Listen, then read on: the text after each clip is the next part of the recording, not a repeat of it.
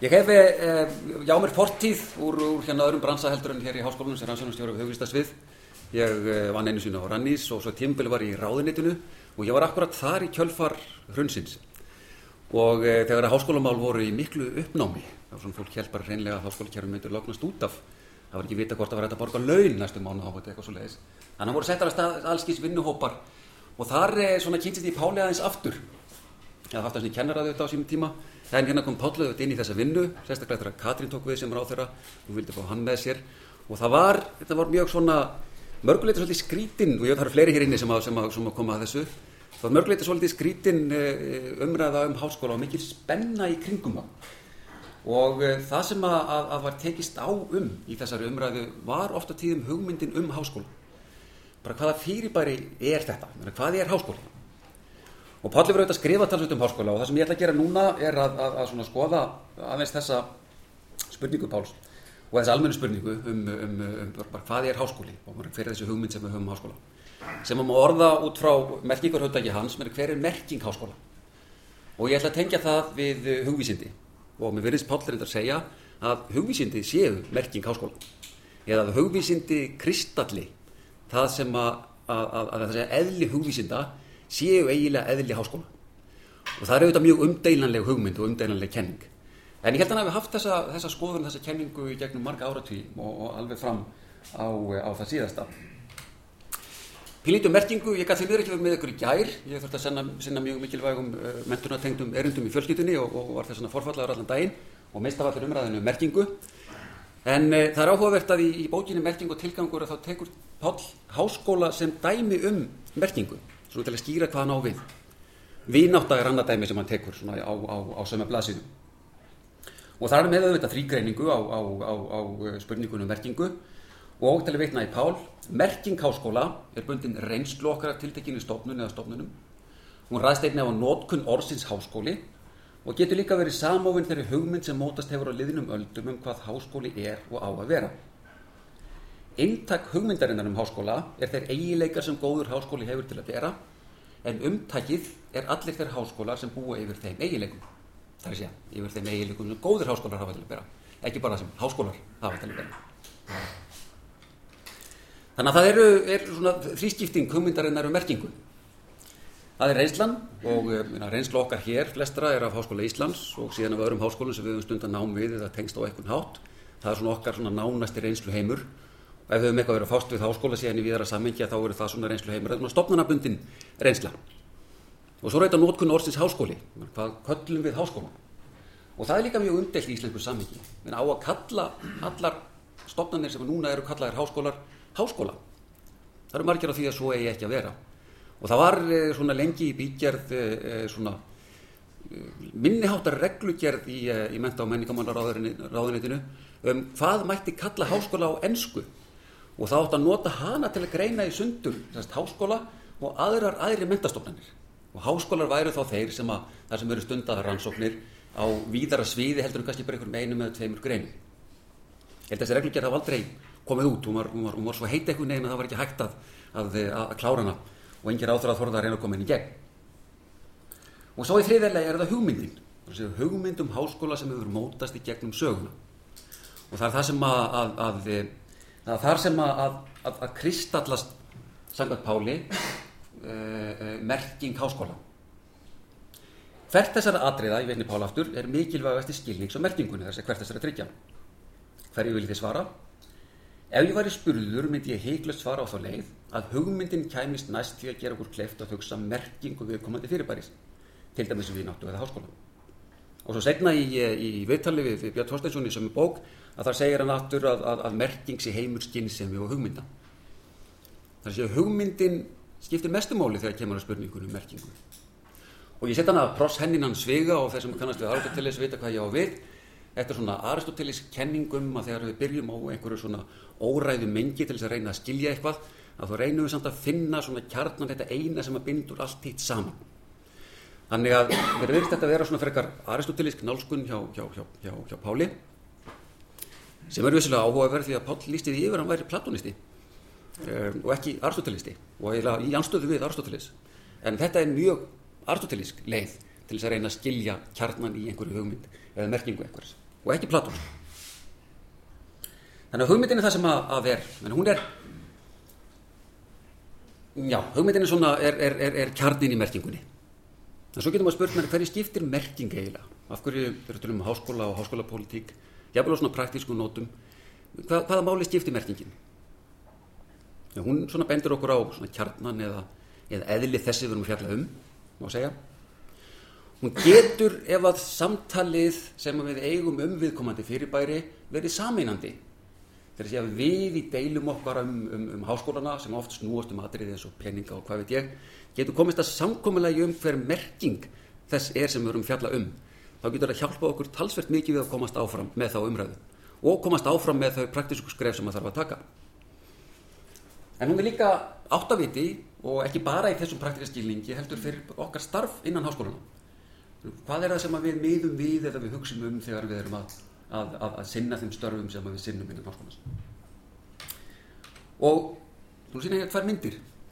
Þetta er Salfur í trjálundi í, í, í aðþönum og þetta er svona og hinn myndin, held ég varpinu bara upp, upp, upp strax er tekin, hún er mjög nýlegri og er, er tekin við undirritun samkominlag sem heitir Vörgklass og, og Háskóla Íslands. Og e, e, sem að ég setja þessa myndir upp þess að, að, að þessi sko, merking eða hugmynd sem maður hefur um eitthvað getur komið fram líka bara í viðbröðum manns við því sem maður sér eða upplifir. Þannig að hvað finnst manni vera rétt og hvað finnst manni ekki vera rétt og nú ætti ég ekki að fara að gaggrína neitt sem er á þessari mynd ekki af því að það er einmannislega hérna í salnum allavega eh, og ég hefði sjálf, satt sjálfur bara stutt þetta samkominnlega milli, milli Háskóli Íslands og Vörglas en það er satt eitthvað svona sem að hérna, maður, maður veldi fyrir sig, er, er þetta rétt? Er þetta, er þetta það sem að Háskóli snýst um? Að, að leggja niður íþróttanám á lögavatni og setja upp svona í Reykjavík í staðin og semja við eh, eigendur, eigendur Vörglas um, um þetta nám. Men er, er það rétt? Er það eitthvað neyn? Og ég veit að að fólki í kringum mig að það, þetta svona snerti suma, bara sjá þessa mynd. Snerti suma svo litið illa. Þeir fannst þetta pínlítið óþægilegt. Er þetta rétt að leiði? Þetta er auðvitað mjög frægur trjálundur í aðþjónu, þetta er frægast í trjálundur aðþjónu sennilega, þetta er, er, er Akademian, þar sem að, að Platón stofnaði sinn, sinn skóla. Og nú er auðvitað uh, það er engin leið að, að, að draga einhvern veginn sögu háskóla uh, á, á þessi til dæmis að reyna að tengja háskóla Íslands einhvern veginn beinti gegnum sögulega þróun við, við, við, við akademíun í aðfjörnum. Það er mjög langsótt. E, þetta er allt, allt öðruvísi stofnum. Það er einhver sögulegu þráður sem liggur þannig á milli en að segja að háskólar í dag séu eitthvað tengtir akademíu í Platóns. Það er svona, það fyrir eitthvað langsótt og við erum komin á mjög svona almennt plan ef við erum að, erum að, erum að, erum að ræða þannig. En samt, þegar við veltum fyrir okkur bara eðli þessara stofnunar og hugmynd sem við höfum um hana, að þá held ég að, að, að, að þetta rými betur við allavega það sem flestir heimsbyllíkar myndu hugsa heldur en samgómiðlag við, við, við vörklass. Reyndar veit ég ekki hvort að Salfur stendur þarna í Akademíu Platóns eða í líkasrættastöðinni sem Akademían var byggð við hliðin á. Um, og það er ekki búið að grafa þetta svæði upp og ég held að sé ekki alveg að vita hvað er líkasrættastöð og hvað er Akademíja. Þannig að jafnvel þegar maður fer aftur til fornaldar og þetta er ekki eini skólinn í fornöld sem var byggður við hliðin á líkansrættastöðum. Það voru fleiri. Þannig að það var greinilega vettangurinn til þess að ná í unga menn sem að getur komið og, og, og menta sig á einhvern stað. En ég vel líka þess að tvær myndir til þess að, að, að benda á, á bara spennu sem að er og, og kemur fram í þessari þýrskiptingu uh, Páls. Spennu sem er í mertingarhaugdækinu, kannski ekki hugmyndin heldur í mertingarhaugdækinu þegar kemur að háskólum. Við erum annars vegar með eitthvað svona ídeal og eins og verður við með praxis. Menn að það þarf að setja upp íþróttagennarnám eða íþróttafræðinám í Reykjavík. Og minna, það er frábæra aðstæða til staðar. Akkur ekki gera bara samkomlega við það? Þannig að það eru svona praktiska spurningar sem að koma uh, og ég ætla að vitna í tvo aðra. Uh, upp úr þessum upp úr, upp úr, upp úr hrauninu að þá var, var haldið málþing um, um, um háskóla og gaggrínis hlutverk háskólana og uh, nokkur erindu þessum málþingi voru síðan byrkt í rítunu 2011 og ég ætla að vitna hér í, í, í, í tvo tvær greinar í þessu, þessu rétti sem að báðar draga fram þessa spennu sem er á milli einhvern veginn hugmyndarinnar og, eh, og, eh, og raunveruleikars eða þess sem er svona praxis í háskólamálum. Þetta er Irma og hún er að fjalla um, um, um, um Derrida og það sem Derrida hefur skrifað um háskóla og Irma segir að háskólinn, þar sé hinn skilirðislausi háskólinn, eins og hún kallaður. Þannig að á mótum háskóla sem stopnunar og orðræðu valds og háskóla sem hugmyndar eða verðandi möguleika þar sem hann semur um og skipuleikur ansbyrnu. Það er þar sem að, að svona þessi, þessi hugdagfráfrótt er í dag, skiliriðslösi háskóli finnur sig, hann finnur sig í þessari spennu. Við höfum hugmyndina annars vegar og, og, og stopnunina eða orðræðu valdið hins vegar. Og séðan í grein sem er talsvöld öðruvísi og, og líka byggt á, á, byggt á erindi sem að flytta saman málþingi, að þar segir Sverrir Jakobsson Þegar fyrirbærið háskóla er skoðað í sögulegu ljósi er niðurstaðan svo að hugmyndin um háskóla sem gaggrínið afl sem getur veitt öðrum samfélagslegum valdakerfum viðnám er í grundvallar atriðum romantísk helgimynd sem lýsir ekki háskólum eins og þeir hafa lengsta verið. Þess að við skoðum bara sögu háskóluna þá hafa þeir yfirlega ekki haft þetta hlutverk að vera svona gaggrínin rödd í samfélaginu. Þeir hafa verið, verið stofnarnir sem sem að menta lækna og, og, og lífræðinga og þeir eru svona praktískt nám sem fer í, svona starfsnámsstofnarnir fyrst og fremst eða stofnarnir sem hafa þjónaði kirkjunni á eitthvað nátt en svona gaggríni háskóli er eiginlega svona jæðarfyrirbæri í sögu háskóluna sagðan Sverri. En það bæti við og þetta er loka orði greininni. Ekki ber þó að vannveita styrk þessar helgimyndar. Í skrifum húnbóltu fleiri sem það er fjallum byrtist hugmyndin um fyrirmyndar háskóla sem þessar þversagnakendu mentastofnanir hafa yðurlega mælt sig við og hefur ítt undir viðleikni til að gera háskólana að víi gaggríninur hugsunar. Þannig aftur dregur hann þessa spennu inn. Þó að háskólanir hafi ekki verið svona alltaf, eða bara einugis að mjög litlu leiti, að þá er þessi hugmyndum fyrirmyndaháskólana samt virk í umræðu okkur um háskólana og hún er virk í þróun háskólana. Þannig að hugmyndin skiptir þannig verulegu máli fyrir líka bara hvernig stopnunin þróast og hvað er sem að við gerum við stopnunina. En þá um háskóla og háskóla eiginlega, eða merkingu háskóla sem hugvísindi. Og þetta byrja á grein sem að Plott uh, skrifaði eða erindi þar að segja sem hann flutti hjá bandali háskólumanna árið 1983 og fjallaði um rannsóknir í háskólum. Þessi hvaða rannsóknir eigum að stund í háskólum. Og rétt að taka fram bara áður en að kema þessu að auðvitað var stopnana umgerð háskóla og rannsóknarstopnana alltaf öðruvísi þá er núna. Um, ekki alveg með á hreinu hvernig þetta var en ég held að rannsóknarstofnir atvinnum vegana til dæmis hafi verið miklu sterkara afl þá en þar eru í dag og það skiptir aðeins máli fyrir það sem að Páll er að segja. En hann auðvitað er alveg gegnum sýrður af, af, af þrýskiptingum í þessari grein eins og við annar staðar og hann nefnir þrjár leiðir til að meta hvað það er rannsaka. Rekstrar og hagfræðileg viðmið þar að segja mentunar og menningarleg viðmið og vísinda og fræðileg viðmið. Og sér er búin að flokka viðfangsefni háskólan líka í, í þrenta sem var svona mannvísindir á einum stað. Út frá rekstrar og hagfræðilegu viðmjögum segir hann sko í fyrsta lagi að háskólan að framleiða vöru sem aðrir gera ekki.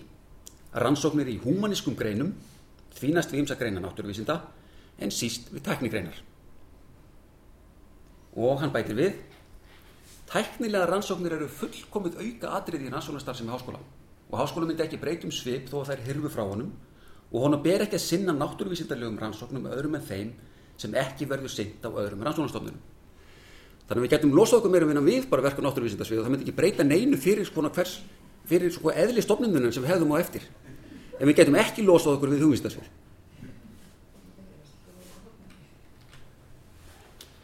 Og þar á menningarlegu viðmiðin, þar, ég þarf ekki humanísku greinunum, er hvorki til að dreifa aðferðunni niðurstöðum sem menn geta tilenga sér án sjálfstæra rannsóknum og síðan meðlað öðrum. Þess vegna er óhugsandi að nokkur, við, að nokkur viðunandi kennsla eða fræðsla fari fram í þessum greinum á þess að rannsóknir séu jáframt stundar af kappi. Það er svona svipað það sem Elsa var að tala um áðan með hvort það heimsbyggingar eða hvort það var hægt að kenna heimsbyggja á þess að vera heimsbyggingur. Uh, hér virðist að vera að segja að það sé ekki hægt að kenna sko í hugvísindum öðruvísin að vera virkur rannsakandi í hugvísindum hins vegar er ekkert mál að kenna teknikreinar, verkfræði og náttúruvísind og hvað veit ég, á þess að vera rannsækandi í þessum greinum. Mm, veit ég hvort að fólk almennt innan háskólans myndi taka undir þetta eða hvort það væri raunverulega heilbrygt að, að, að hugsa háskólan svona. Um, það er ekki samfærður um. Það nefnir endar trend þegar kemur hugvísindum sem að, að er hægt að kenna á þessum stundar rannsókriði. Eitt er formli raukfræði, annað eru málvísindi og þriðja eru tungumál almennt ekkert mál að kenna tungumál að þess að vera rannsakandi tungumálum, líka háskólatíð og svo stöttum vísind á fræðilegu viðmiðin og það segir hann að það er ekki tilvöndun en eða einungi segði efla rannsóknir í háskólum sem líklegast að séu til að skila frumlegum viðstöðum og séu ólíklega stundar annar staðar. Og þetta á við um hugvísindin og þann hluta jarfræði og líffræði sem á við um náttúru Íslands. Eh, svona greinir hann spurninguna um hvaða rannsóknir eigum við að styðja við háskóla. Eða er nöðsynlegt að, ég hef náttúrulega styðja allar rannsóknir, en hvaða rannsóknir er nöðsynlegt að styðja við háskóla.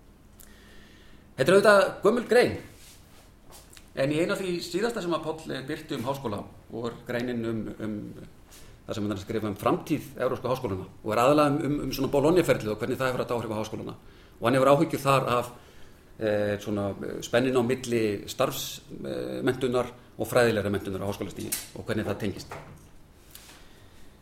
Og þar segir hann að læknar og lögfræðingar þurfi ekki fræðilega mentun hins vegar rannsekandur á þessum sviðum þú ætlar að vera lögfræðingur og fara að vinna á stofu eða læknir og fara að vinna á spítala þá þarf ekki að tengjast að, að, að komast í tæri við rannsóknir beint. Þú var bara að læra staðrindir og síðan bætir hann við og hér vitna ég henn á ennsku in philosophy or literature of course tertiary education is wholly theoretical or close to it. Við virðist hann verið að segja meirum minna það sama og hann segir í greininni 83 við getum ekki stundar allavega svona kjarna kent þar að segja háskólastígi kjarnagreinar hugvísindana öruvísinn að vera virkir rannsakendur á því, því sviði. Og ég er alveg að klára. Það er að segja kennsla já. Mm, og kannski svona já, undir lokin að, að sem er, mér virðist hann vera að halda því fram að hugmyndin um háskóla felur í sér að við séum að e, stundar rannsóknir og kenna e, nefnendum á grunni þeirra rannsóknir sem við erum að stunda. Við getum auðvitað gert ímislegt annað í háskólum líka en þennan kjarnar verðum við að, að, að hafa. Og þessi kjarni er nöðsynlega til staðar í hugvísindum en hann er ekki nöðsynlega til staðar í öðrum greinum. Þegar við getum ekki kent hugvísindi öðruvísin af rannsakendur en við getum vel kent aðra greinar á þess að vera rannsakendur. Sem er vísnaða róta kenning held ég. Og uh, já, ég er vantilega Þú átt nóg tíma eftir. á ég nóg tíma eftir, en þú staðir upp samt ok, já, Em. ég bara... já aðeins, Þú veist hlumin. já aðeins meira þá um hugvísindi menn ef að hugvísindi eru ef, að- að hugmyndin um háskóla kjarnast í hugvísindum menn hvað eru þá hugvísindi eiginlega það er ekki eins og það sé eitthvað neginn gefið hvað hugvísindi eru og við getum prófað sömu þrýgræning og hugvísindi eins og Páll prófar á háskóla þar segja hugvísindi er eh, fyrst og fremst einhver, eða í fyrsta lagi einhver stopnun eða einhver umgjörð sem við getum vísað í. Og hugvísindasvið Háskóli Íslands er einn svona augljós slík stopnun Eh, Það er ímsar aðra stopnarnir, stopnarnar Arnar Magnússonar, Reykjavíkur Akademían, hérna þessi söfn og hvað veit ég, sem eru líka stopnarnir þar sem að hugvísindi eru einhvern veginn eiga heima. Og svo nefni ég hann að reikniflokk í, eh, í ríkisins sem að svona, það er ákveðin svona konkrétt hugmynd um hugvísindi, þau eru allavega rosalega útýr, en félagsvísindin eru þar líka, þannig að þetta eru, þetta eru já, svona stopnarnabundin hugmynd um hvað, hvað þetta er. Og svo er orðið hugvísindi. Men við getum farið langt aftur eða, eða skamt og svona einn ein fyrsta tilfella sem við finnum hugvísindi eða humanities upp á einsku eða í, eh, í bókmyndum eru annaröld á okkar, okkar tímatali þar sem að, eh, að reytumhundurinn Áljus Gellius segir að, að humanitas sem uppháðlega er bara mennskan eða það að vera maður en eh, fær síðan merkinguna mentun eh, setna meir og, og merkir það þegar að, að, að, að Gellius er að skrifa að humanitas sé það sama og pædeia hjá Grekjum þar að hún er og mentun sem gera því að mannesku og svo bætar við hún er þjálfin hinn um aðstu listum sem gera okkur uh, mennskust, mest mennsk. Það er það sem að humanitas er en það er svolítið langsótt að fara að tegja einhvern veginn hugvísinda hugtæki sem við höfum í dag allarleið þangað aftur.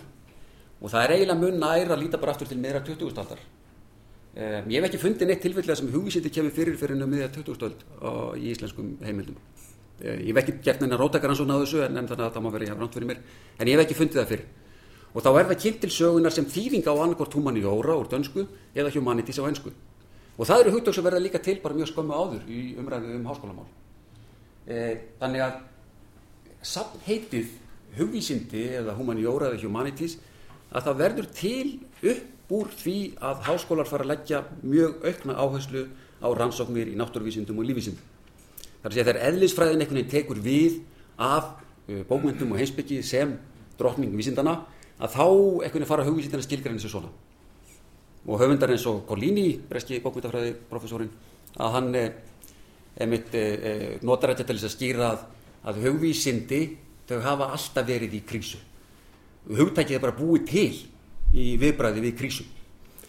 Um, og svo nefni ég hérna, sem var nú kannski fyrir við á, á, á fyrirstíginu, að það eru nokkuð mörg fræðasviða, hvort sem er, er í orðanótkun eða í stopnarnasammingi, er mjög uh, óljós. Mannfræði og einmislegt annað sem voru félagsvísda sviði Háskóli Íslands er oft á tíðum innan, innan hugvísinda sviða eða delta. Og svo er það hugmyndin. Hvað hef ég langar tíma? Tímyndir eftir. Uh, með spurningum. Já. Já, já.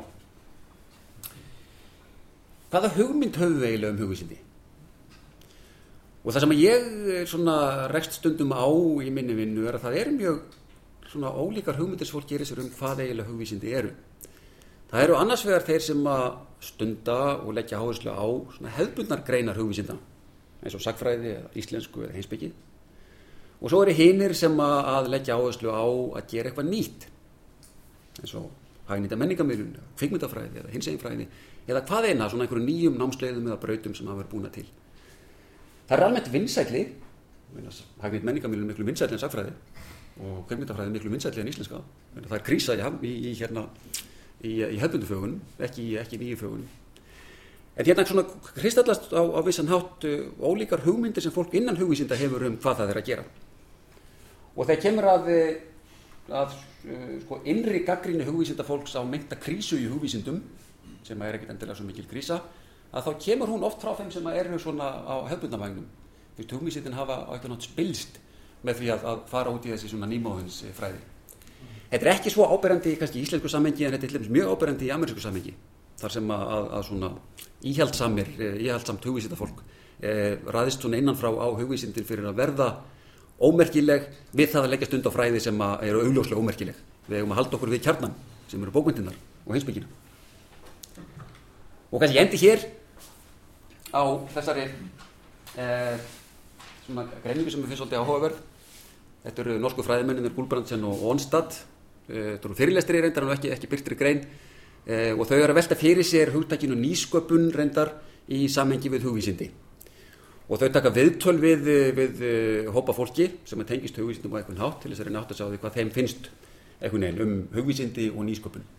Og þeim verðist þetta vera eiginlega fjórir hópar þrjú og fjórir eru hérna neðst og það er annars vegar þeir sem eru svona platonistar á einhvern hátt í hugvísindum og sem að, að, að, að fyllast á þessar hefbundugreinar frekar og uh, svona rótgróin viðmið fyrir hvað er gott og hvað er slæmt. Um, eitthvað svona frummynda hugmyndum hvað hugvísindi eru.